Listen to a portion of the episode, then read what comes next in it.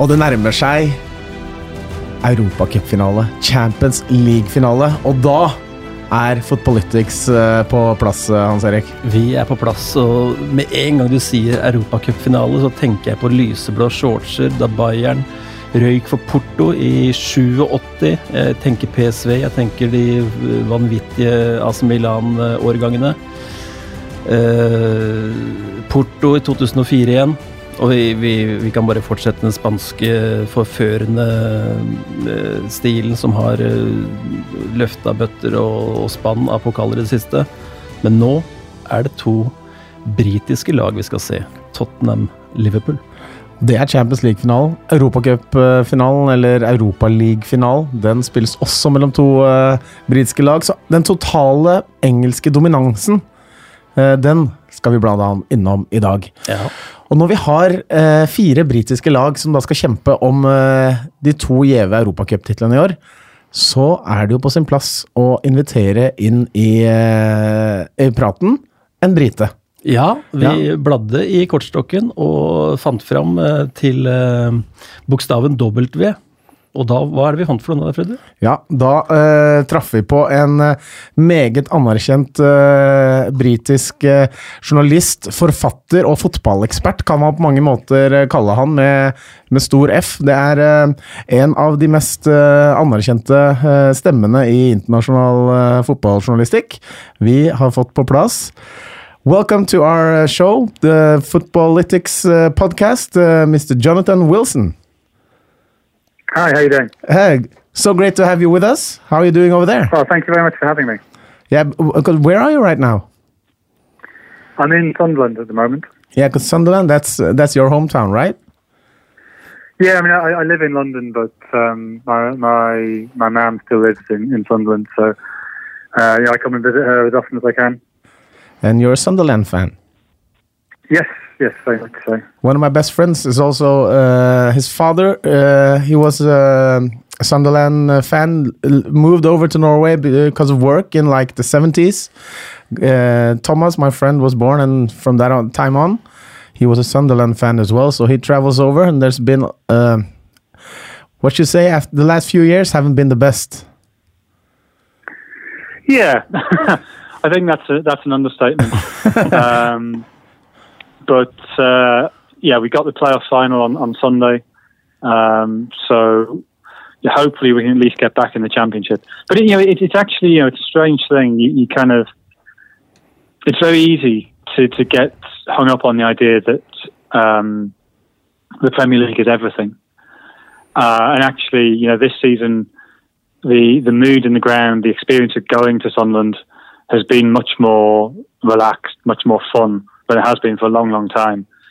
Um, there's been a little bit of tension recently because you know, we the last the last seven games of the season we only won one of them, and you know we, we probably should have been promoted automatically and ended up in the playoffs. But yeah, for, for most of the season, it, suddenly you sort of remember why why you start going to football in the first place. That you know you you go with your mates and you have a laugh, and you know, maybe the team wins, maybe they don't.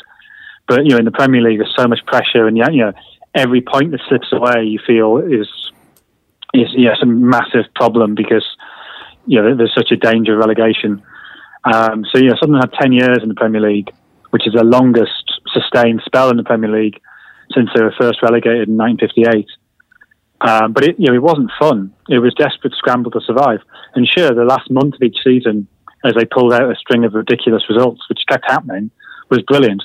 But you know, Sunderland have gone like, until this season. They went five years without winning a game in August or September, which you know, it kind of quickly stops being fun. So, uh, yeah, hopefully they get promoted. I think the championship is fine. I don't think any Sunderland fan would really mind being in the championship for a little while.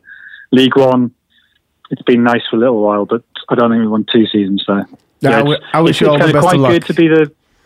Well, thank you. Yeah, it's it's quite interesting when you have you know, your average home attendance is thirty one thousand, and the next biggest in the league is like seventeen and a half thousand. yeah, and you suddenly realise that for every other team in the league, you're the giant, you're the ones they want to beat.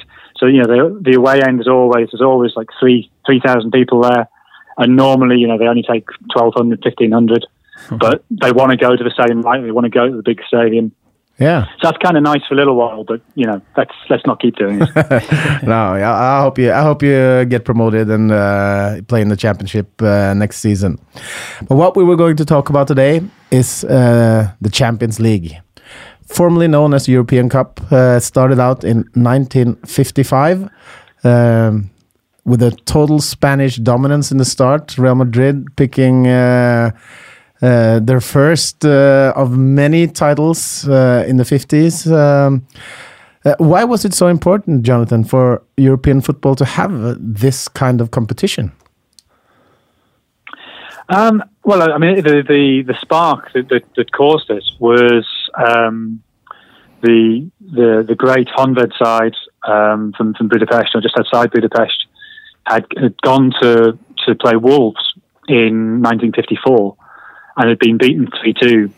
And in, in England in, in, the 50s, uh, when floodlighting was just, just starting to be to be put in the games, in the grounds. And they, they had a series of what were called floodlit friendlies. So there were you know, games between English sides and big foreign teams played at night. And your league games would never be played at night. Then league games were always on a Saturday afternoon. Yeah. And they had this sort of glamour and this this exoticism because they played in the floodlights and the teams would wear like silk shirts rather than the normal heavy cotton shirts, so they showed up better under the lights. Oh, yeah. And this game between Wolves and Honved was this amazing game. Wolves won three two, and the Daily Mail the next day, not like the Daily Mail to overboard, but the Daily Mail had the headline "Champions of the World." And Gabriel Hanot, who had been a, a French international, he'd been the, the, national team manager of France, and then became the editor of L'Equipe. Um, he, you know, he said, "This is ridiculous. You can't have teams just saying we're the champions of the world. We should have a competition to, to test this." And so he put in place this competition for the champions of teams across Europe. And you know, there had there had been international club tournaments before. That that um, that there'd been the Mitropa Cup uh, in in Central Europe, which had run from I think 1930 or maybe 1929. Uh, so the idea of international competition did exist. But he was the first person to say, right, let's organise it properly. Let's have the champions of every league, and let's let's test this out. And uh, what a success it has it has been, although um, it has changed quite a bit uh, through the years, uh, Hans Erik. Yeah, in a very much way, and of course in money wise, it's a totally a different ball game at the at the moment. Uh, I guess it's always been like that. The the the richer clubs will always uh, uh, be first in line when the when it comes to picking players and and the best players, of course. Uh, but maybe we have seen in the last couple of years that uh, the distance between the rich and the poor is been uh, is bigger than than ever. Uh, is that is that what you feel as well? Could could any team any fr from anywhere in Europe have won the uh, the European Cup in I like say 50 years ago, but today uh, there's only a, a, few a handful of teams that can lift the Champions League trophy. Um, I mean, it's slightly different, difficult to answer because it's such a different world that you know back then you had to be the champion, so you you, you had to be a team of a certain caliber to win your league, um, and then uh, I guess once you've done that, it was open to a much greater spread of countries. Although you actually don't really see that until the late 80s when you suddenly get you know a team from Romania, a team from Yugoslavia, uh, teams from the Netherlands and, and, and, Portugal. You're winning it in a in a, in a block. Um, but I, I think I, I, I guess the, the, way to answer that question is to sort of look on, look the other way around and say, look, this is actually a, although Ajax got very close this season, we've got a massive problem that for 15 years, there's only four countries provided finalists in the Champions League. So every finalist in, in, the last 15 years has been from England, Spain, Italy, or Germany. Mm-hmm. And, and that, I think, is, is, is damaging to football. I think it's worrying. I, I you know, I, I think it must be an enormous frustration to those countries who used to at least have a chance of providing finalists places like Portugal, like the Netherlands, um, the, the, now that that seems beyond them. Although Ajax did get very close this, this season.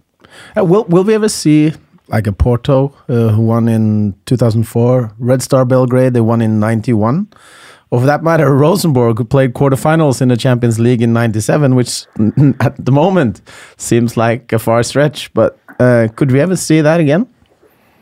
Well, you can certainly see quarterfinalists. I mean, we had Apoel not that long ago got to the quarterfinals, so it is possible, but it's very, very difficult. I mean, I think Ajax give everybody hope that if you have a have a good generation of, of young players, if you know if you coach them well, then yeah, there's a chance. Or you look at Monaco two years ago getting the semi final. The problem for those clubs is they get one shot, and mm. if they fail with that shot, the team gets picked apart. You know, we we know already that uh, Frenkie De Jong's going to Barcelona, Matthijs de Ligt is going to leave. I'm sure two or three others of our team will leave. So that that's the problem for, for the smaller teams that, or the teams from the smaller countries, that you know you, you, you can if everything goes right, you can get a get a chance. But if you don't take that chance, it doesn't come around again for 10, 20, 30, 40 years. So, so that, that's where the big difference lies, I think. Yeah.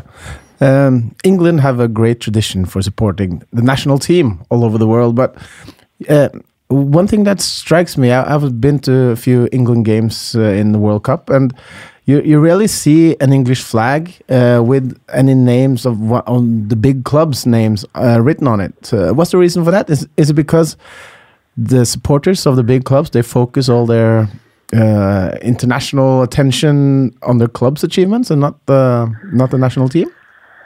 Uh, yeah, I think it's partly that.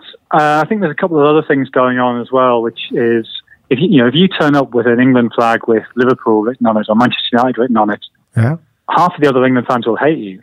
yeah, yeah, that's, that's true. If you have like Macclesfield written on it, nobody hates Macclesfield. And like it's an advert for you. People will come up and go, "Oh yeah, well done Macclesfield. You, you avoided relegation." Sol Campbell. Let's have a talk about Sol Campbell. Yeah. If you have you know, a big club, then you're, you're inviting people who don't like that club to you know, be aggressive to you.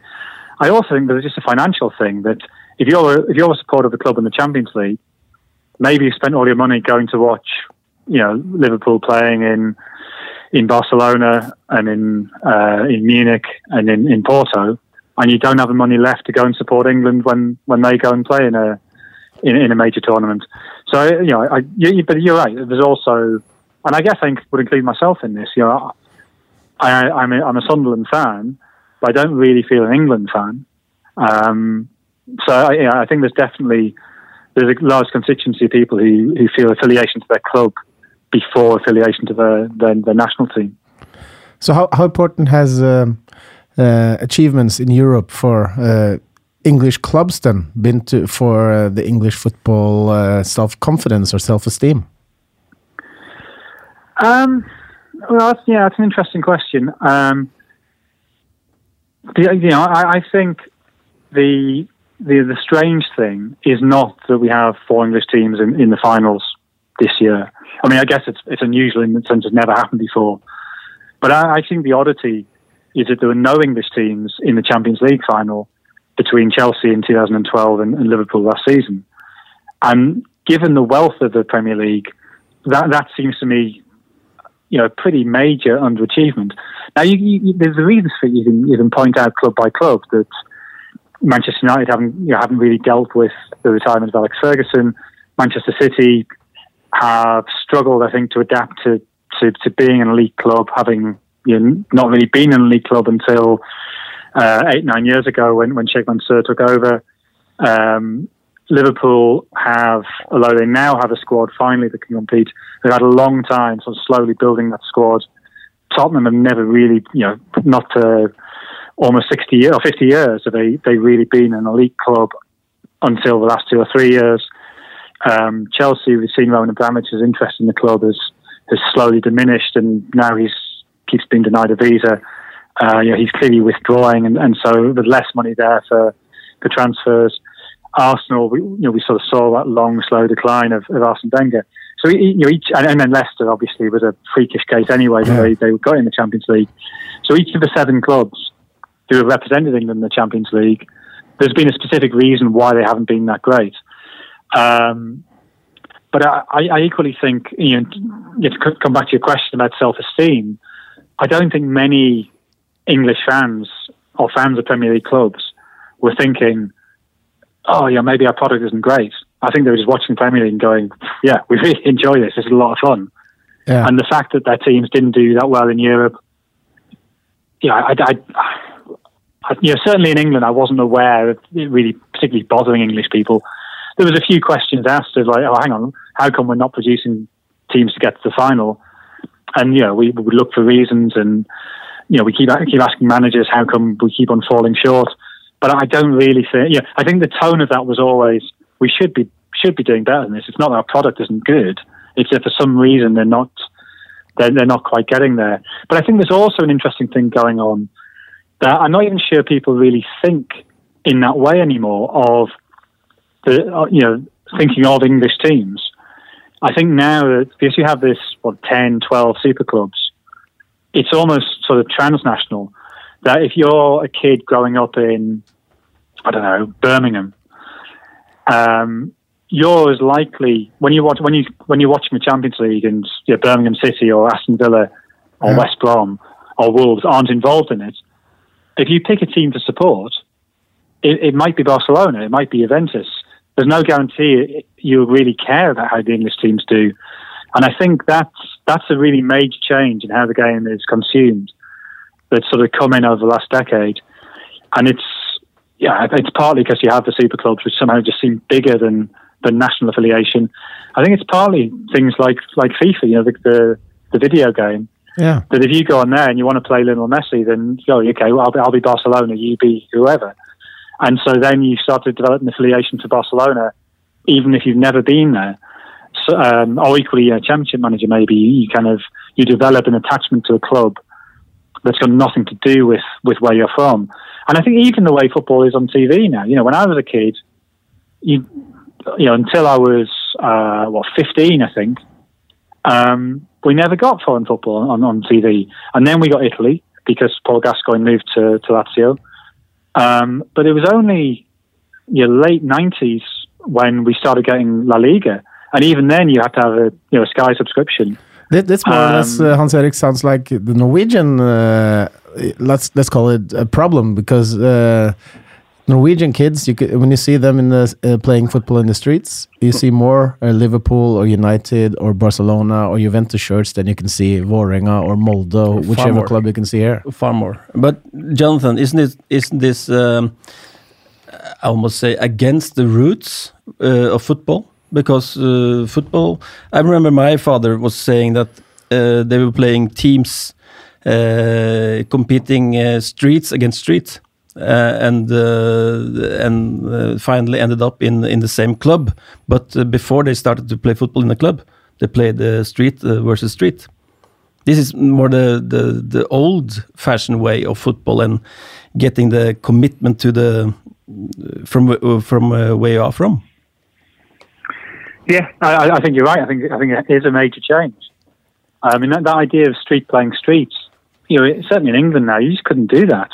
You know, because there's, there's cars everywhere. You know, there's no space to play football for kids. Um, so you you know, it, it's something that um, yeah, I, I guess I'd sort of hadn't noticed because I, you know, I moved to London from Sunderland 20 years ago, and London's so big and so busy. Of course, kids don't play in the street; it'd be, it'd be ridiculous. But I've spent a lot more time in Sunderland in the last sort of six months to a year, and I'm suddenly really aware. Hang on, there's no kids anywhere. What, what, where are they? yeah, they, they- they're not playing in the streets, whether it's football or yeah, hide and seek or yeah, whatever. You never see kids playing about in the way that I used to. Um, and I don't know if that's a safety thing, or I don't know if it's just because everybody has a PlayStation now. Um, but yeah, there's definitely been a, a change in in how people, uh, even when they're very young, how they start to engage with football. And I, I think, you know, I think guess it's only tangentially related, but I, I think affiliations to to your local club, whether you know playing for them or you know or, or, or supporting them, I think they are being being eroded.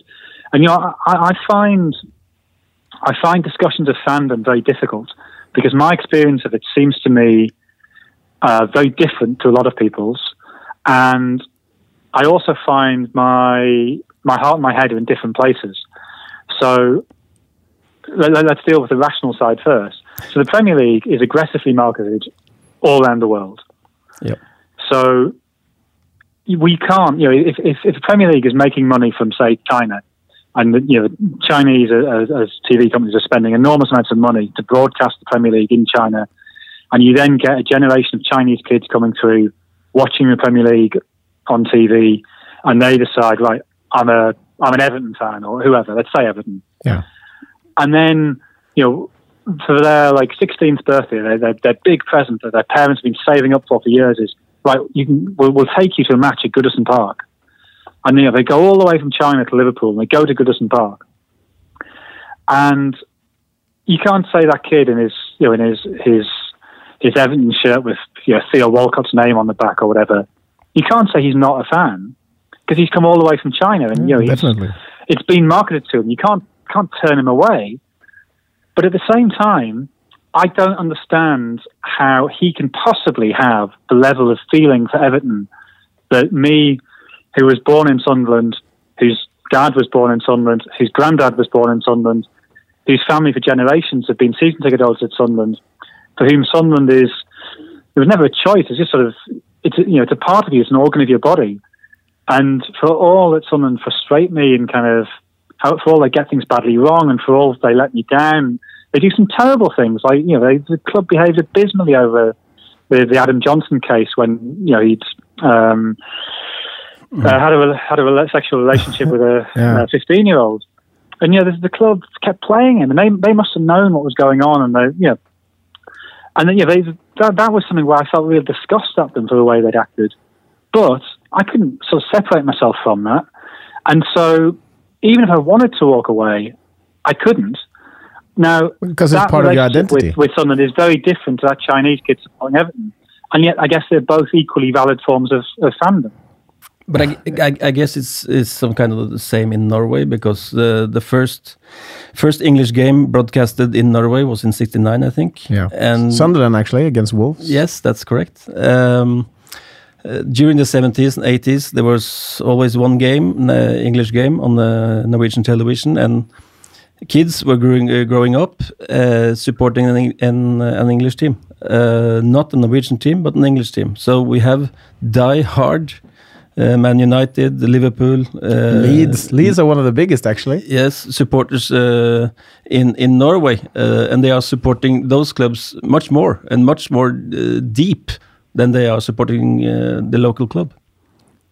Yeah, uh, English football is is huge in Norway, as you as you probably know, and uh, also because we've had a lot of players, uh, Norwegian players in in English football, especially like 20 years ago in the 90s when we had 30 or 40 players uh, in the Premier League, and uh, at the time we also had a competitive national team as well. So um, that that's sort of part of why English football is so uh, so huge in Norway. Uh, do you feel that when you when you, uh, you can you, you probably get a lot of attention from Norwegian um, both uh, like podcasts like we have today, but also journalists and uh, and uh, fans who who approach you to talk about uh, English football, right? Yeah, absolutely. And, and you know, I'm, I'm the editor of the Blizzard, and I, I'm pretty sure Norway is either fourth or fifth, you know, um, most common place of visitors to our website and and subscriber model. You know, we've you know, UK first, US second, Ireland third, and I think Norway is fourth. Might- Yeah. It's either Norway or Germany is fourth, and the other one's fifth. So yeah, the the, the interest in in English football from Norway, uh, you know, I, I think pretty much everybody in England, certainly everybody in the English media, is, is very aware of. But when you talk about this kind of loyalty thing, uh, as it is, um, do you see that in the players today playing in the different clubs uh, the, all around uh, Europe and, and, and the world, that the loyalty is kind of gone? Yeah, um, yeah, I think you do see that, and I, I think that's you know um, it's so easy for players to move now, and this isn't really blaming players. Uh, I think clubs as well. You know, there's such an acceptance of the transfer market that when a player joins a club, how, how many of them really believe they'll be there for more than two years, three years? And it, it, it becomes. I mean, I, again, I, I've sort of become more aware of this um, this season since since Sunderland's got relegated to League One that we had a kid uh, called Josh Maja, uh, who I think he'd been at City's academy. I think he might have been at QPR before that, but something got him from, from Manchester City's academy, and he's of um, mixed English Nigerian descent.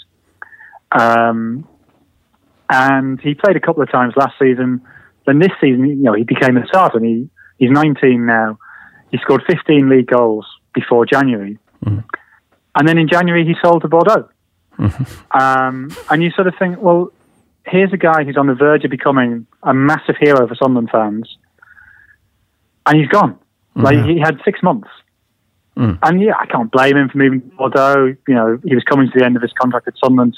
He didn't want to play League One football. I, I totally understand that. But at the same time, there's this sort of sadness that here's a kid who's come through the Sunderland Academy, and you sort of think he's one of ours. Yeah, okay, he wasn't born here, but you know, he's he'd been he, had been developed by Sunderland, and even even him, it's not worth fans creating an emotional bond with, because you know, as soon as as soon as he shows any promise, boom, he's he's off, and I think that's actually really it's really problematic. It's really damaging because it, it makes people cynical, and I think it means that fans are much more likely to be abusive to players. Mm. Because if you have a player who thinks not very good, or you know he isn't playing well, or he isn't trying hard, you know, there's sort of an, an understanding that well he's not going to be here in three or four months. Let's we, there's no point in mm. encouraging him and trying to kind of make him feel part of it and try and try and boost his confidence. There's just a sense of might as well get rid of him. Mm. And so there's this sort of real um, uh, like transience about everything, and and that I think is you know it, it stops people being uh, being properly supportive of their players. We started out talking about uh, uh, the the the beginning of the European Cup in 1955. What what kind of cultural meaning has uh, has it had beyond the game? Do you feel that it has in some point, football is a European invention. Uh, where it started and how it started, or was the Florentine game, or was it, was it England who who developed the, the, the game the way it is right now? Uh, uh, you can argue either way, but it's a European invention, more or less. Uh, is, is it like um, um, we needed something to unify after like world wars and and uh, a lot of um, uh, what do you say uh, difficulties in Europe. Is this one point where we could all get together? Um, possibly. I actually, I, I, slightly disagree with you that you can argue either way. I, I think it's an English invention, and, and, you know, you can you can trace things that are a bit like football that were played, you know, the, the you know, calcio in in Florence or uh, your various games in China or, or in the Caribbean. But the laws we play by today are the laws that were drawn up by the Football Association in December 1863. You know, there weren't people from Florence going to Argentina and Uruguay and Russia and you know West Africa and teaching them to play calcio. They were teaching them to play the English game. So it's for, for you know whatever whatever you can say that these civilizations had a thing that was a bit like football. Football, as we know it, is English. Yeah. And all right, I'll give you that.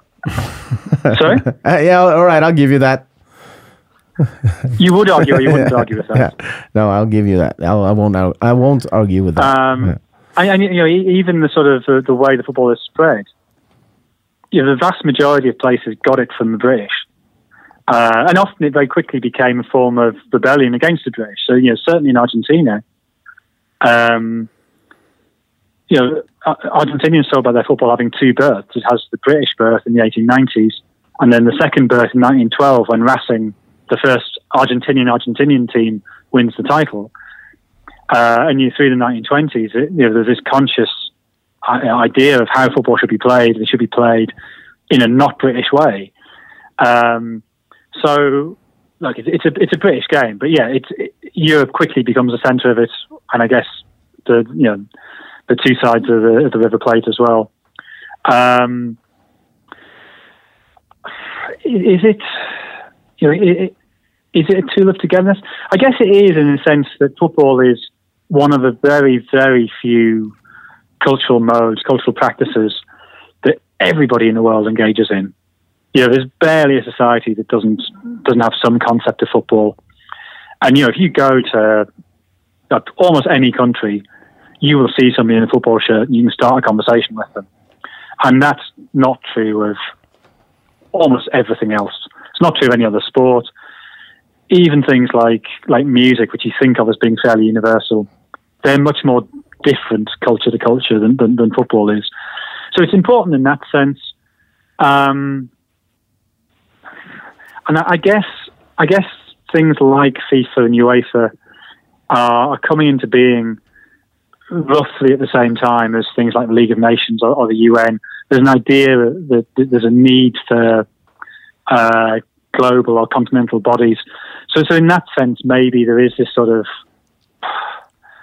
um, this this greater scope that football has. But I mean, I think quite often it's pushed people apart as well. You know, I think it's very easy for football to pretend that it's a great force for peace.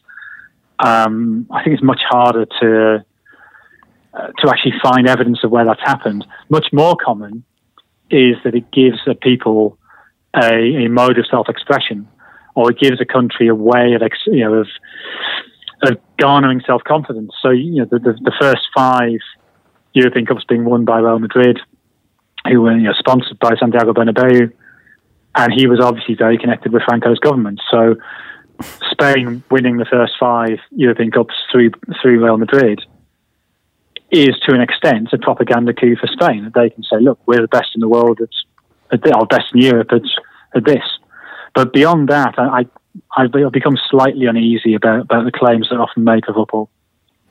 Yeah, because it's um, actually a Norwegian invention called handshake for peace, where uh, uh, where uh, uh of course the captains uh, shake hands before the game, like in a uh, sort of image of um, of being able to create some sort of togetherness despite going into battle a few seconds later. You, you, think this is just like a more or less just uh, uh, an image and not actual truth? Well, you, it's certainly true that you get some brilliant games that are incredibly, um, ten, you know, incredibly uh, toughly contested, and at the end, everybody shakes hands, and there's clearly a mutual respect that's developed during the game, and those are brilliant. But I mean, how often do you see the players shake hands and 30 seconds later somebody's pulling somebody's shirt, somebody's diving, somebody's standing on somebody's foot. You know, it's it's tokenistic often. So I don't know. I mean, I, I, guess maybe academics can can tell me whether whether you know footballers are better behaved now when they walk along the line and they have to actually look their opponents in the eyes, and maybe that does sort of remind them of the opponent's humanity. But I don't know. You still see an awful lot of uh, yeah, ungentlemanliness and an awful lot of cheating pretty quickly after the handshakes. And maybe you can just uh, put it on the the fact that there are like 50 cameras uh, picking up everything, so you have to behave a little bit because it, it will get picked up somewhere afterwards. So um, yeah, um, there's also there's a problem. You know, you, you, it, it, can be used as an excuse that uh, you know you, you could you know a defender could you know kick a forward for 90 minutes and then shake his hand at the end and pretend everything's fine. Well, I, no, you just kicked him for 90 minutes. yeah. You know, that's, that's not fine. Like pretending the handshake somehow is, you know, is, is like absolution in the Catholic Church or something. It's, you know, it's nonsense. So, um, look, it's better that we shake hands than that we don't, but I, I don't think it suddenly makes everything okay. What is going to happen uh, on June 1st is that Liverpool and Tottenham they will uh, play it out at uh, the new stadium of Atletico Madrid in uh, in Madrid. Uh, first time that all four teams in the European Cup uh, are from the same uh, country. Hans Erik, why do you think England at this point is the first country to achieve that?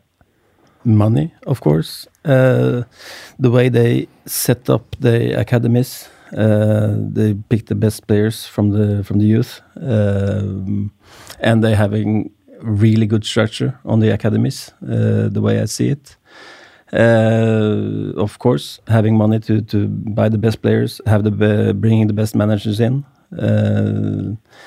and you were talking a little bit about that uh, earlier on, uh, Jonathan. Um, always the Premier League has always uh, had uh, good quality, but now maybe the best managers also are um, are doing the chess play out on the pitch. Um, and with the money, with the best resources, with the best academies, with the best players and managers, of course, you are putting yourself in a in a good um, spot to to achieve good results. But uh, we have four teams uh, playing in the Champions League and Europa, Europa League final this year.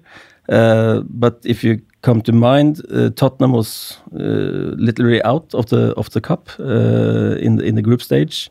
Liverpool were the better team against Napoli, of course, but they had a big big chance, almost conceded in the end there, and then Liverpool would have been out. So it's of course a game of margins, and uh, uh, but um, if we sum it up, um, Chelsea and Arsenal has been good this year. Uh, in the Europa League, and uh, of course Tottenham and, and uh, Liverpool, they, they are there, so they deserve to be there. Is it a fluke, uh, Jonathan, or is this an inevitable result of the big money managers and players all heading for the Premier League? Well, I, I think it's a bit of both. I mean, I think um, yeah, the, the, financial power of the English league means that they have more chance of this happening. Uh, they, have, they have, of course, you know, as you've just said, you know, Tottenham and Liverpool certainly have had moments of luck in the Champions League this season that I think particularly Tottenham will feel that they maybe haven't had in the past. You know, Tottenham last season should have beaten Juventus, mm. and and you know, in in that game in the 180 minutes they were the better team for 140 minutes, but in that other 40 minutes, they let in four goals. Yeah. So, you know, 20 minutes in both games. Um, so, yeah, it's, it's partly that things have fallen away this season. Uh, but I think there's also, it's actually, it's not quite as simple as just saying money. Uh, so, I think if you, you know, we, I talked about the super clubs. If you, if you think of it being around about 12 super clubs, the fact that you have you two, two and a half from let's say well, okay, let's say three from Spain, one and a half, two from from, from Germany, one from France. At the moment, one from Italy because Inter and Milan can't can't get their acts together. You have six from England. Okay, Manchester United having a bad season, but realistically, in, in terms of in financial terms, you have six from England. So it, it's then it's then easier for for England to have this clean sweep because they they have four or more teams at, at that level to get to the finals. Mm. I think also the fact that Europa League, for the first time in a long time, England had two teams who actually cared about the competition. Mm. You know, Emery is a is a bizarre specialist in the Europa League for the reasons I have to say I don't understand. But his record in the Europa League is, is unbelievable. You know, he's won it three times, yeah. and he's in another final. And you know, Chelsea, um, because of you know, other things going wrong. I think they were forced to take it seriously. So, you know, I, I think that to an extent explains why the Europa League, really for the first time, um, has become something England cares about. And then you look at, at Liverpool and Tottenham, and you know, I, I was talking before about the the specific reasons that specific clubs had underperformed in, in European competition over the last sort of six, seven years. Well, I don't think it's coincidence that Tottenham have had Pochettino's been there for five years, and he's had time to instill his ideas and bring through his players. Klopp's been at Liverpool for four, almost four years, um, and so again, there's stability there. So, you know, those reasons that were holding these teams back before they've now gone. Um, and then, so, so you know, that, that's the sort of general themes of it. I think there's also something else interesting that's happened, and I'm not sure this is a good development, but it, it's definitely something that's that's changed which is whenever you talk to managers of English teams in that sort of six years when English teams weren't doing well in Europe, what they do, and I remember Louis Van Gaal particularly saying, "Oh, English football is a, is a rat race. It's it's so aggressive. There's so many big games. There's two cup competitions. Mm. The top teams play, you know, 45, 50 games a season. By the time it gets to the Champions League quarter-final, semi-final, they're exhausted. And I think there was a level of truth to that. But the nature of English football has changed. And if you look um, between 2008 and 2018, the number of tackles per game in England has fallen by 26%. percent mm hmm um, so in, in 2007 8, Uh, the team that made the fewest tackles was Reading, and they still made more than Huddersfield, who made the most tackles in 2017-18. So you're saying So that's a pretty changed? big change. Sorry? Uh, so you're, saying football, the style of playing has changed also in Britain. That is, and is that due to all the foreign managers coming in? Do you think? Yeah, I think it's I think it's partly that. I think it's also economic, and um, it, an- another stat which I- which I think goes in hand, hand in hand with the tackles is Opta first started collecting this data in 2003-4. Now, between 2003-4 and 2005-6, so the first three seasons they collected the data, there were only three Premier League games in total, so one per season average, where one team had 70% of the ball or more. Hmm. Yeah. This season just finished, there were 67. Oh wow. Yeah, I think that's a So, I mean, one in six games, or almost one in five games, is essentially attack against defence. One team sits back, And the, The other other team team has the ball. dominates. Yeah. yeah, and, and that's a diff, that's a different type of football. And that, that, that I think is because the rich teams are so rich now that you know they, they, they can dominate. But where England's different to the other big leagues is it because we have those six teams. And okay, even if Manchester United are having a bad season, they, you know they're still a big-ish team. Um, it means that there's still each, each of those big teams has to play ten big games each season, plus you know Wolves away, Leicester away, Everton away, Newcastle away, you know, fairly difficult trips. Whereas in, in Spain they have four big games and then a handful of, of tricky ones. Germany you have you know, Bayern played Dortmund and pretty much nobody else is going to really challenge them. Like, you know, some difficult away games, but nothing nothing on that level. Uh, and so I, I think English football at the moment is at this sort of sweet spot where the players get tested regularly, so they're still sort of tough, but not so regularly that they get tired. And that that is not something I think is e- that's easy to control, but it's just something that's happened. I think that's a very interesting point, uh, Jonathan. Uh, in case of the top teams in, in England, they play most of the games on only one half. And the sprints they need to do, the, the long runs they need to do, the, um, the high intensity over uh, many yards, it's, is less than they used to do. And uh, I think that's physically, it's a very, very um, vital point. Because um, Yeah, I, I, absolutely. Yeah. Um, FSC. And, Uh, I mean, and also, you know, English football is still is still more physical, more aggressive than anywhere else in Europe or any of the, of the other big leagues, anyway. So, You can see that against. uh, I mean, you have to bear in mind this statistic that there were two fewer teams in Germany, and so you know each team plays 34 games a season, not 38. Mm. But there were, I think, 25.5% fewer tackles in the Bundesliga this season than in the Premier League. yeah, right. So, which is, you know, okay, some of that is explained that there's fewer games. There's not that many fewer games. There's still, you know, there's um, English football is still a phys- physical test, and I think you've been able to see that over the last two or three seasons. That Tottenham, certainly against Dortmund, in the in the first leg, Yeah. Physically they bullied them. Yeah. Liverpool against Barcelona and against Bayern, Yeah. and of course against Porto, they physically dominated them. Tottenham, even last season against Juventus, physically dominated them. Yeah, I agree. And that, of course, is what English football used to be good at in the late 70s, early 80s. And there, I think you have to give credit to Klopp and to Pochettino. Mhm. That when Klopp arrived at Liverpool in uh, October 2015, Mhm. and he was asked, you know, who who are your who you know who, who are your um, your idols? Who are the people who sort of influenced your your ideas on football? And he said, of course, you know, he's from the Swabian school, which is very influenced by Sacchi and by Lobanovsky. But he said that the football that really stirred him when he was a kid, the football he grew up wanting to play, was the football of Liverpool and Nottingham Forest and Aston Villa, the, the, the great English teams of the, of the late 70s, early 80s. And so to an extent, he was restoring to English football the old-fashioned English game. Um, Pochettino as well.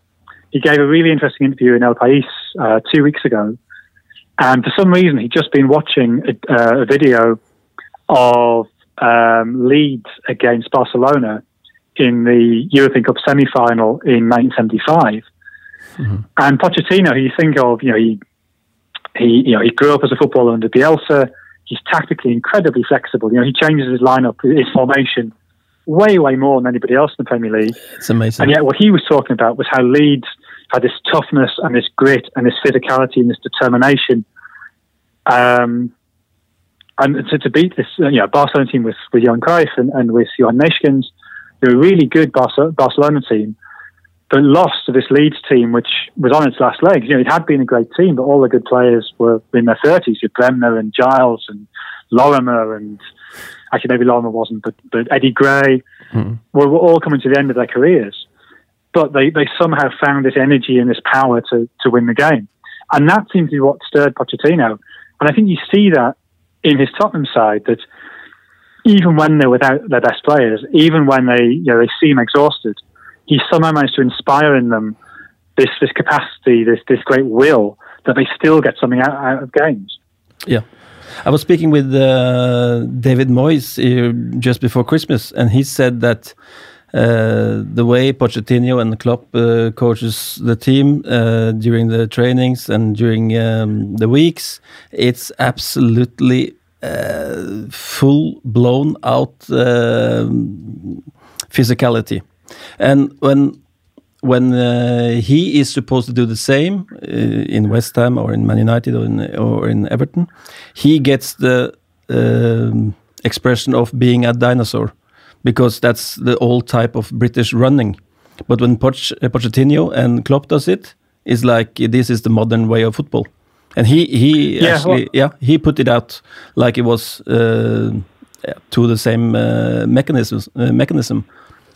Yeah, well, I think that's true, and I think there's something psychologically very interesting happened to English football uh, just after the Heysel ban.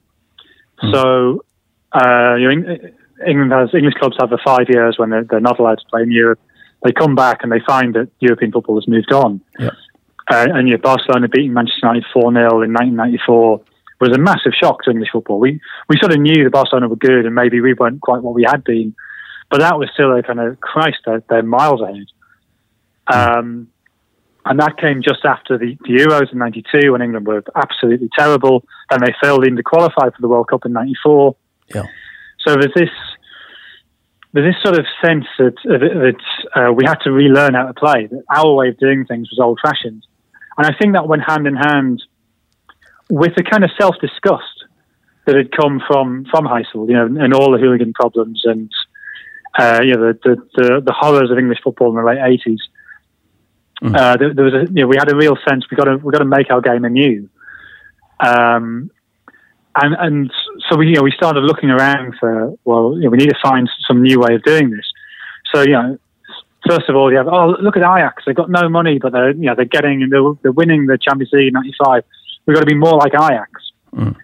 And then you know three years later, it's you know Clairefontaine has has led France to to winning the World Cup. Well, we we've got to get our own Clairefontaine, yeah. and then that doesn't work. So it's like well, oh we're going to be more like the Spanish, which is ridiculous. You, know, you kind of yeah. Yeah. English players growing up as, as kids playing on muddy pitches when the weather's cold and there's you know the wind is howling across the training pitch, they're never going to be able to play the quick, sharp ten meter passes that, that you grow up playing in Spain. It's a totally different environment. You, you can't you can't suddenly change that. And then it's oh you know look at Germany. We've got to be more like Germany. And actually, what we needed was an Argentinian and a German to come back and go no just just go back do it the way you used to do it because it worked. and I think that, that what you're now seeing is is not just at, at Tottenham and, and at Liverpool, but even in the national team. And you, you referred to how good English academies are now, and I think that's absolutely right. I think I think the changes in the academy system four or five years ago yeah, have really worked. Yeah, yeah. But there's also the, you know Tottenham and Liverpool are supplying lots of young English players to the national team, and there's this sort of growing confidence in English football that we stopped sort of looking for new ways of doing things. We sort of think, actually, yeah, this is fine. It's working now. And so I think English football, from a from a national team perspective, is in the most exciting place it's been. You know, certainly in my lifetime. Um, and that's uh, you know that's that's a, a, really that's something where you know um, the FA has to take credit for what it's done with the academies, but Klopp and Pochettino also have to take credit, and Guardiola as well. To be fair to him, and I don't think it's coincidence that um, you know when he gets to a league, the whole league seems to, to improve. you know, it's like his influence over the league is not just his team, but that sort of shows other teams how actually this might be possible. Playing this type of very bold, very very brave possession football, maybe that is a way of of, of, uh, of succeeding. So, you know, I think English football at the moment is very fortunate that we have three coaches. Maybe it even include Sarri in time. It mm. hasn't worked yet, but you know, at least an imaginative, inventive coach who has a a different way of doing things. That England English football now has these three great coaches who are improving the level of their clubs and with it the level of English football as a whole. And that has brought two teams to the to the Champions League final. Um, and if we want to talk about that game for a little while, uh, Jonathan, um, Liverpool against uh, Tottenham. Uh, they know each other so uh, so well. They've played each other uh, millions of times, but never in a final. What what will such an occasion do for that game? Will they will they be able to put the um, the big occasion aside and just play their own game? Do you think? Um, I mean, I, I, that's very difficult to answer. You, I, th- I think yeah, Liverpool have been in a lot of finals recently, and they've lost them all. And so you you wonder, does that start to affect them at some point? Um, I mean, you, you can make a legitimate case that in each of the finals they've lost under Klopp, may, maybe not the Europa League final against Sevilla, but even there, like a 50-50 game, they had a very experienced team with a very experienced manager against a team that sort of had, was just starting to come together. Mm-hmm. Uh, but certainly when you know, they lost in the League Cup final to Manchester City on penalties, they lost um, to, to Real Madrid last season when, yeah, uh, they were unlucky to lose Salah and, and, unlucky that their goalkeeper then made two terrible mistakes, perhaps while playing with concussion.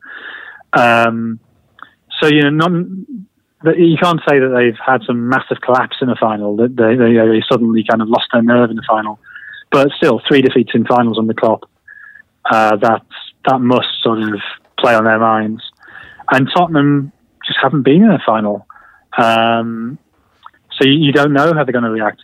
You, you, you, remember Giorgio Chiellini last year after, after Juve beaten Tottenham yeah. in, in, the in the Champions League, saying you know, this is the history of the Tottenham. You know, saying that Tottenham are a team who always lose their nerve.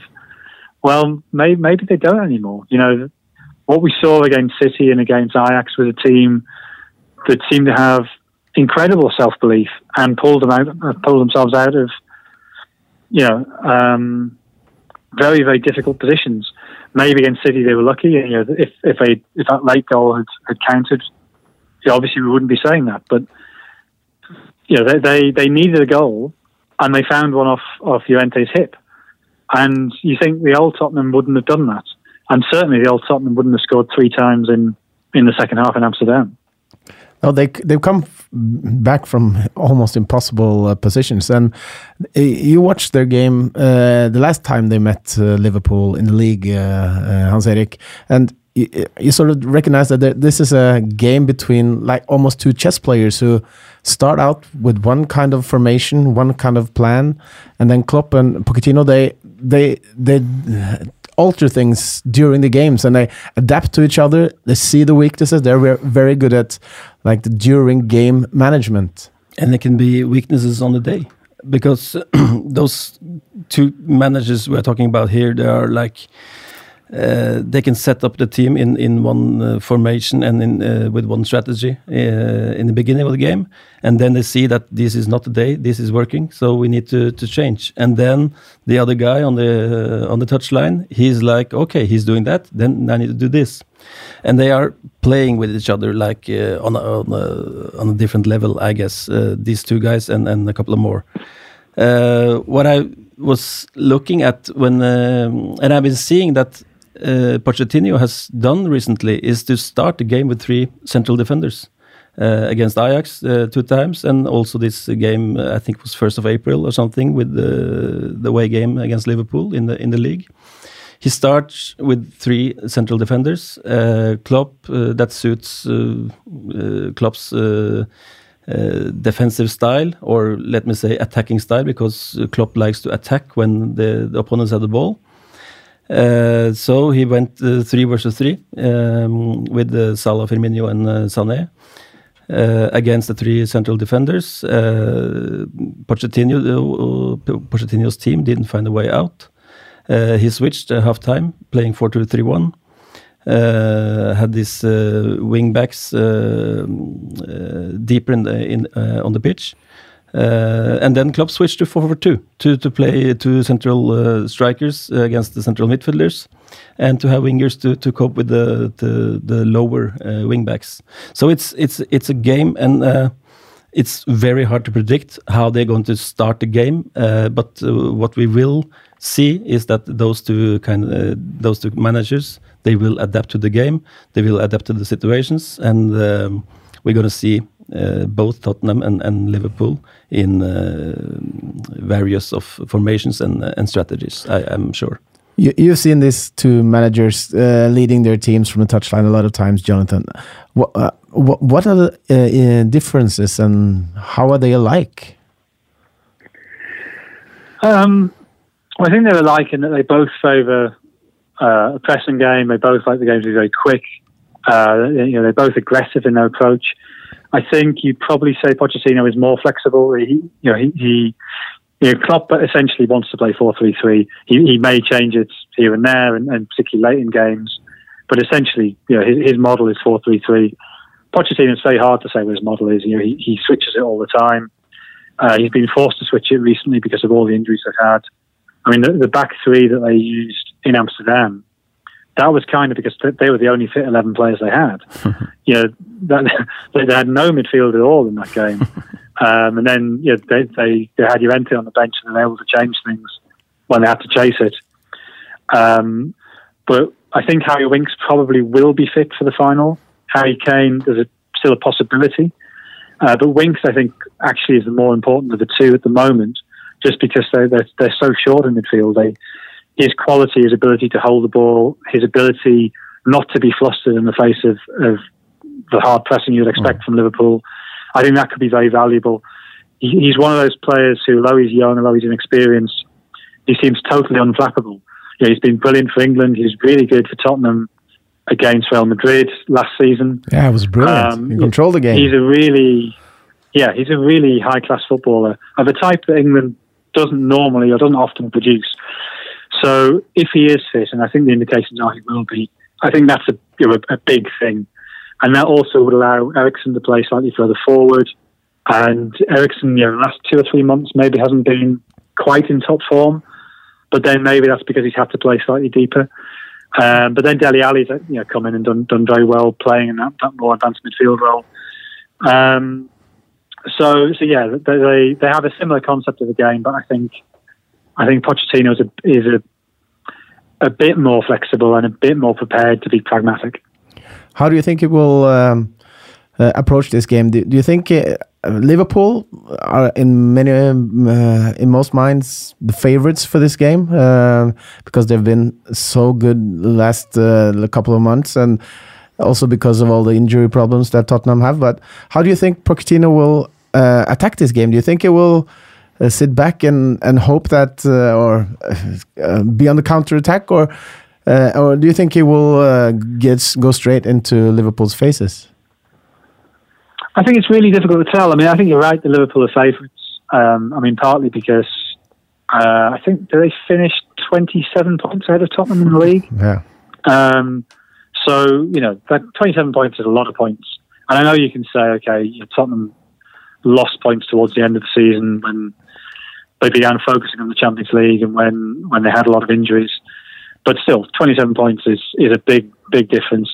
Also, uh, Pochettino and Klopp have played each other nine times, and Pochettino, Pochettino's only won once. Yeah. Um, so there's been four draws. It's not like Klopp's been totally dominating, but he certainly has a slight edge. So I, you know, I think you'd, you'd say it's probably I don't know 55-45 or 60-40 in Liverpool's favour. But it's really hard to know what Pochettino will do, and I think that's what's so interesting about him as a coach that he is so flexible um, so yeah, he used the back three at Anfield, as, as you were saying. Um, didn't really work in that first half, but that doesn't mean he won't do it again. Uh, you, you look at the two fullbacks.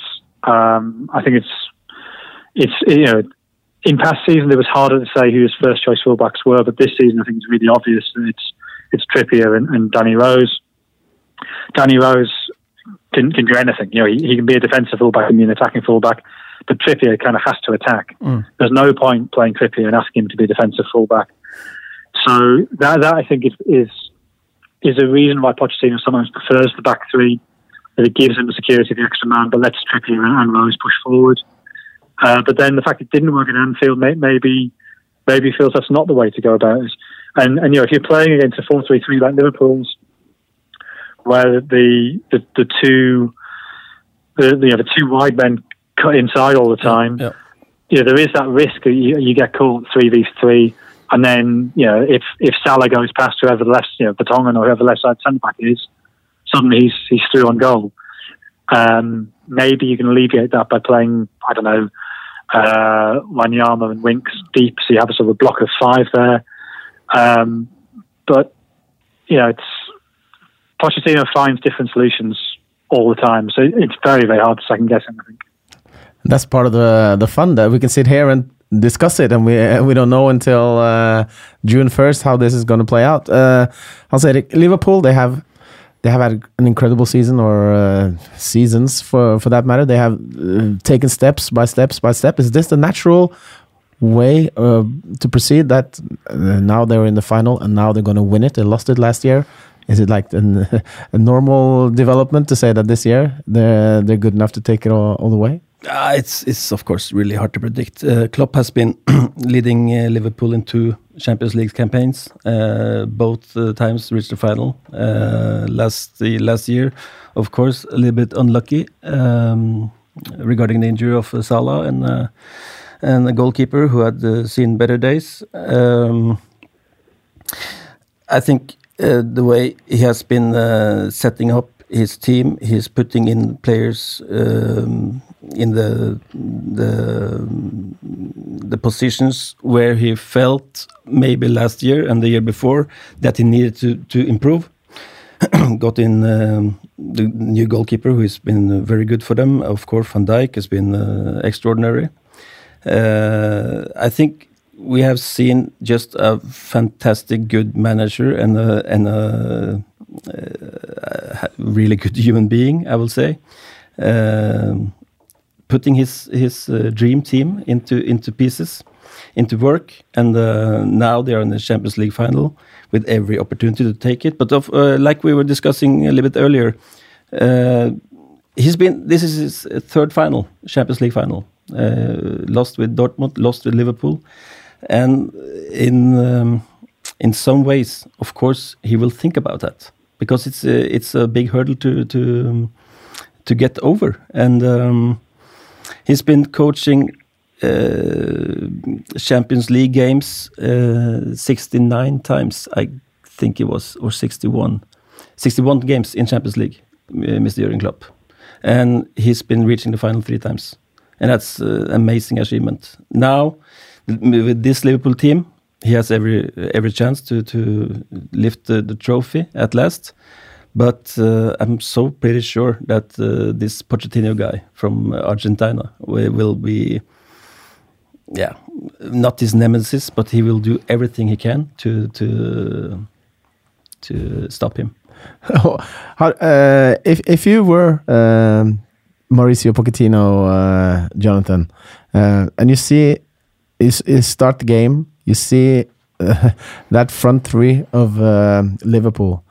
Um, how do you stop them? um, I guess. uh, You could get I guess very very rich if you if you have this answer. Yeah, I, I guess ideally you, you stop the ball getting to them, um, and, and so you try and press high and keep the ball at that end of the pitch. But that's really difficult when you've got fullbacks who are as aggressive as Alexander Arnold and Robinson, uh, uh, Robertson, um, you know, who, who are prepared to carry the ball, who are so quick on the ball. But you, and they also, you know, really, you certainly wouldn't have said this at the beginning of the season, but a player who makes a huge difference to Liverpool now is, is Jordan Henderson and that's you know I think you know he, he since he moved to the right of midfield rather than playing at the base of midfield, so he has a more aggressive role. Uh, his energy leading the press helps, but also he's a really good long range passer. So you know I, I think you saw this at times against Barcelona that Henderson can get the ball and play you know 50 meter pass into the path of Sadio Mané or or, uh, or Salah, and you know suddenly they're away and the break's on, and, and so Liverpool have this great capacity to to transfer the ball from from back to front very quickly in very different ways, and that makes them very very hard to play against. You know, their, their counter attacking is very very dangerous. Um, so so yeah, I, I look okay. The way I would do it is I would play a back three, and I'd also play two deep lying midfielders if Winks is fit. Uh, so you play Winks alongside probably Wanyama. Um, although you know, Wanyama we saw wasn't fit. You know, it was, it was injured at the end of the Ajax game. Uh, but assuming they're, they're fit, I think that's probably your, your, your block of five to start with. Uh, but then, you know, if Harry Kane is fit, everything changes. You know, every conversation changes because the makeup of the of the forward line becomes very different. Mm. So, um, After that long injury, yeah, do you it's, think, a, it's a combination of. Sorry. after that long injury that he's he's been through, uh, do you think he will be? Uh, he might be fit, but do you think he will be uh, game fit for an occasion like that? You know, it's a slightly strange thing because I, I'm not sure anybody's going to be match fit because they're all going to have three weeks without playing. Yeah. Yeah, so I don't. I don't understand why the English league started when it did this season. It could have started a week later, um, and it would have finished you know, two weeks before the Champions League final. So you- you'd gone final day of the season, FA Cup final, Champions League final, instead of having an extra week in between. Where okay, we have the playoff finals, which is you know is great that they're going to be the, the centre of attention, but it, it it feels slightly odd that the players are going to have had you know, what uh, 20 days between the final league game and Yeah. then the next game, How, how, are, the especially cl- when they then have only five days before the Nations League starts. how are the clubs uh, handling these these three weeks? Do they play uh, any friendly games or? Uh, do they yeah, just- they're, they're, playing games behind closed doors. Uh, so I, I think both uh, both managers gave the players a pretty long break. I think they had, they had like a week off of doing very very gentle training, and and then you know they'll start to build it up again, and they'll they'll play behind closed doors games in the sort of final ten days before before the final. uh, And then I guess I guess Kane, if he's if he has a chance of playing, I guess he plays in one of those games and, and see how it goes. I mean, I, I think I think Tottenham have done well enough without him, and I think Kilman Son is playing so well, and Lucas Moura is playing so well, and Llorente can be used as an option. That if if there's a doubt about Kane, they wouldn't you know they wouldn't try and force him to play. And I think you know we saw with Diego Costa the dangers of a player trying to come back too soon and then getting injured five minutes into the final. Uh, when, he did that for Atletico against Real Madrid. Um, so you know, I think if Kane plays, he'll be very, very confident that he's fit. But you know, I, I think the fact that there is that three-week gap, I think that that issue of match fit, uh, match fitness actually becomes an issue for everybody, not just somebody returning from injury. Um, you're you're the author of the book Inverting uh, the Pyramid. Uh, it's about the history of football tactics. Uh, these two managers, what are their their contributions to football tactics? Um, well, Klopp is part of that, that Swabian school. It's you know, people like Ralf Rangnick. Um, you know, have come out of the same the same source. Even, even something like Jurgen Klinsmann in a much much more diluted form, you'd say, sort of comes from that background. So Klopp has definitely um, led German football in a, in a new direction. Uh, the German football for a long, long time was very sceptical of pressing. It was only really the late 90s when, when Germany accepted the need to press. Um, and, and, and, you know, Klopp has clearly taken that on to, a- to a totally different level. So Klopp's important in, in, in that regard. And, and, you know, as I was saying earlier, in terms of restoring an English style game to, to, to the to the English, making making us believe that our natural game, if you like, is is still can still be successful. Pochettino, I think, is really interesting, and he's a sort of combination of of Bielsa football, but also there's a, you know there's a little bit of Simeone about him when you hear how he talks about the game, you know, his obsession with cojones, um, you know, the way he celebrates by you know uh, sort of cupping his testicles. You know, that, that's obviously what he thinks is important about the game is, is, is sort of passion and desire, and and so to have to have that fused with a a very astute positional sense, um, I think is quite unusual and quite difficult. Um, and if you can do it, it's then great. Uh, I'm not sure he's necessarily led the game in a different direction in the way that Klopp has, but I, I think he's fused two quite different approaches to, to, to great effect.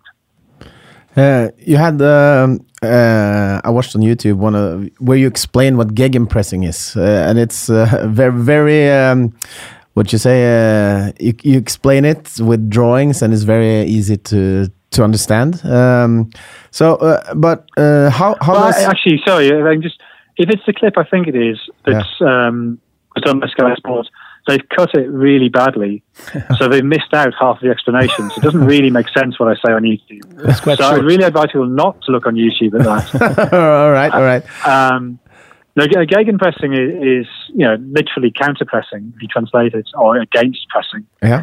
So it's it's the pressing you do to stop the opposition counter attacking. Mm. So when you lose the ball, yeah, you, you, you press and try and get it back immediately. You've lost it. To counter. and counter. the reason you do it then is that the player who's won the ball, the act of winning the ball means he's almost certainly taken his eyes down. So you know, his, his idea of where players are on the pitch is momentarily imperfect. So it's going to take him a moment to reassess where his passing options are. He's also going to possibly have expended energy in winning the ball back. So yeah, he might be at a uh, you know, um, there might be a moment of you know, momentary fatigue so he's vulnerable in that moment, having just won the ball. And also, the chances are that the opposition's beginning to, to, to move into their attacking positions, and so they're not going to be set defensively. So that, that, those are the reasons, as well as stopping the counter. That's why you try and win it back as quickly as that. Um, but then the ways you do it, you, you can go to the man, you can try and shut down his passing angles. Uh, yeah, there's various ways of, of carrying out that, that bit of gegenpressing.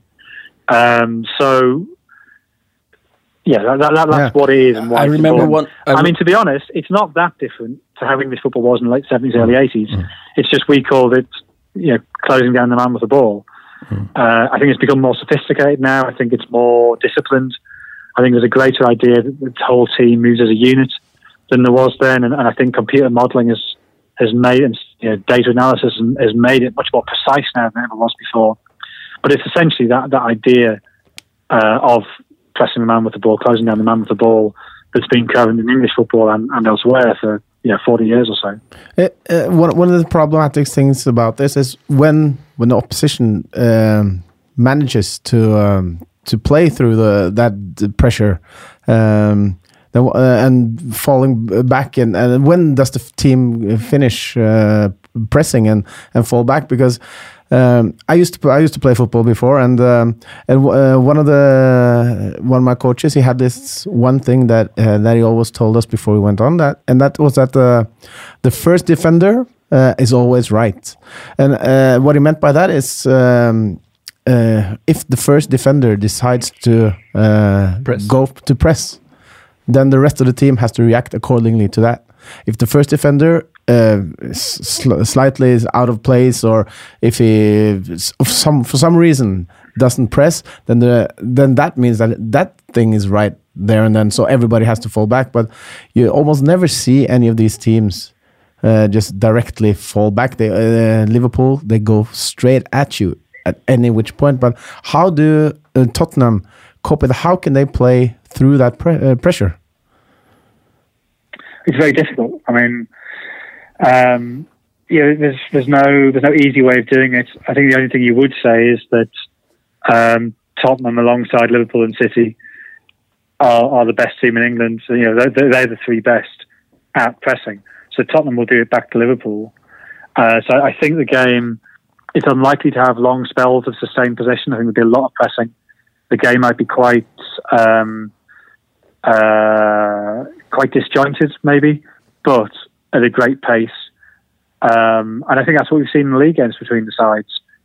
That you know they press each other, they make it very difficult for each other, and so the game very rarely falls into the type of rhythm you get with City, where you know they control the ball, the you know 60, 70 percent of the time. Uh, I think it will be very to and fro. It'll be quite old fashioned in that sense. Um, but that's when players like like Harry Winks, who who are very good in possession, who are very good at playing on the half turn, who are very good at sort of maintaining a, an idea of the pitch and where players are distributed on, on the pitch. Uh, they, are very good at maintaining, maintaining that in their heads. that's where you know where they become so important. It'll be uh, it'll be a battle. Uh, and that midfield battle will always be so important for um, uh, for the outcome of um, of uh, of a game. And Hans Erik, how do you see those three players playing in midfield for uh, Liverpool versus maybe the two and then one in front for Tottenham? Who, who will win that battle and why?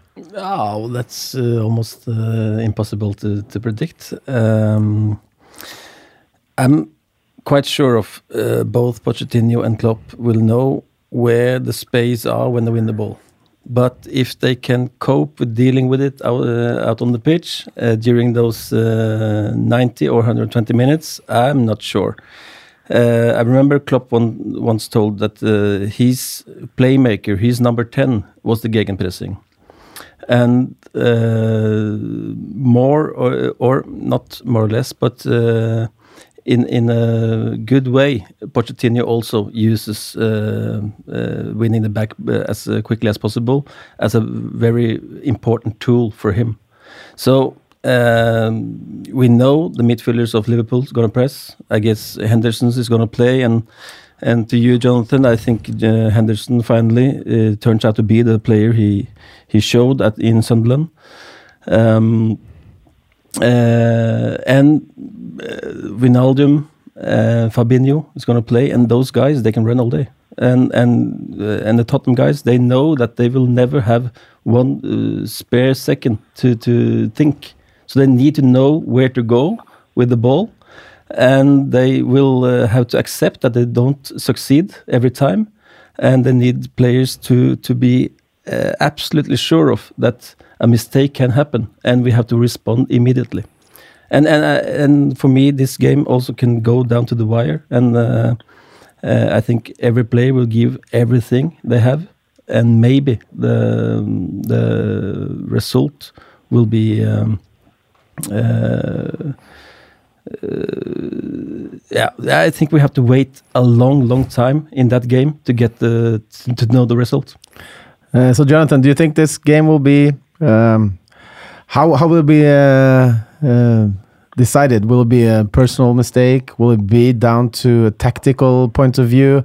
Will it be the one team having more energy, or uh, what will it, what do you think will be the key points?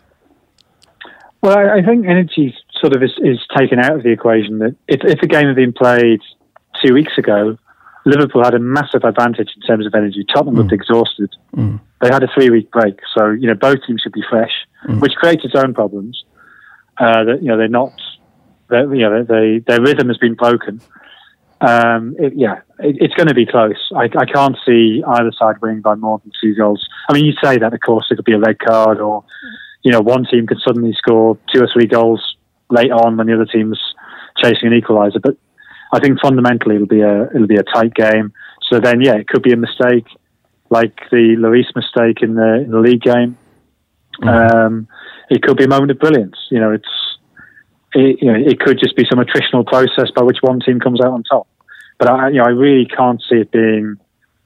It's not going to be three 0 at half time.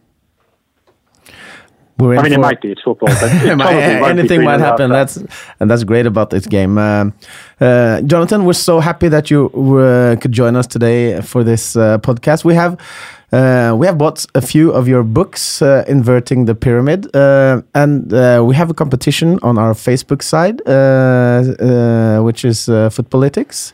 If you go in there, you might win one unfortunately, you're in England and we're here, so we can't get them signed. But uh, maybe on another occasion we can uh, we can arrange that as well. Uh, what is sure is that on on Saturday, first of June, we'll have a great time watching uh, watching the game. Are you going?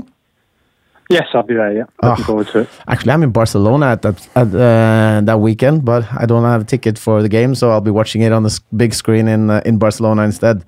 Uh, thank you for joining us, uh, uh, Jonathan. It was a pleasure having you. Uh, you always have a lot of interesting things to say about uh, about football.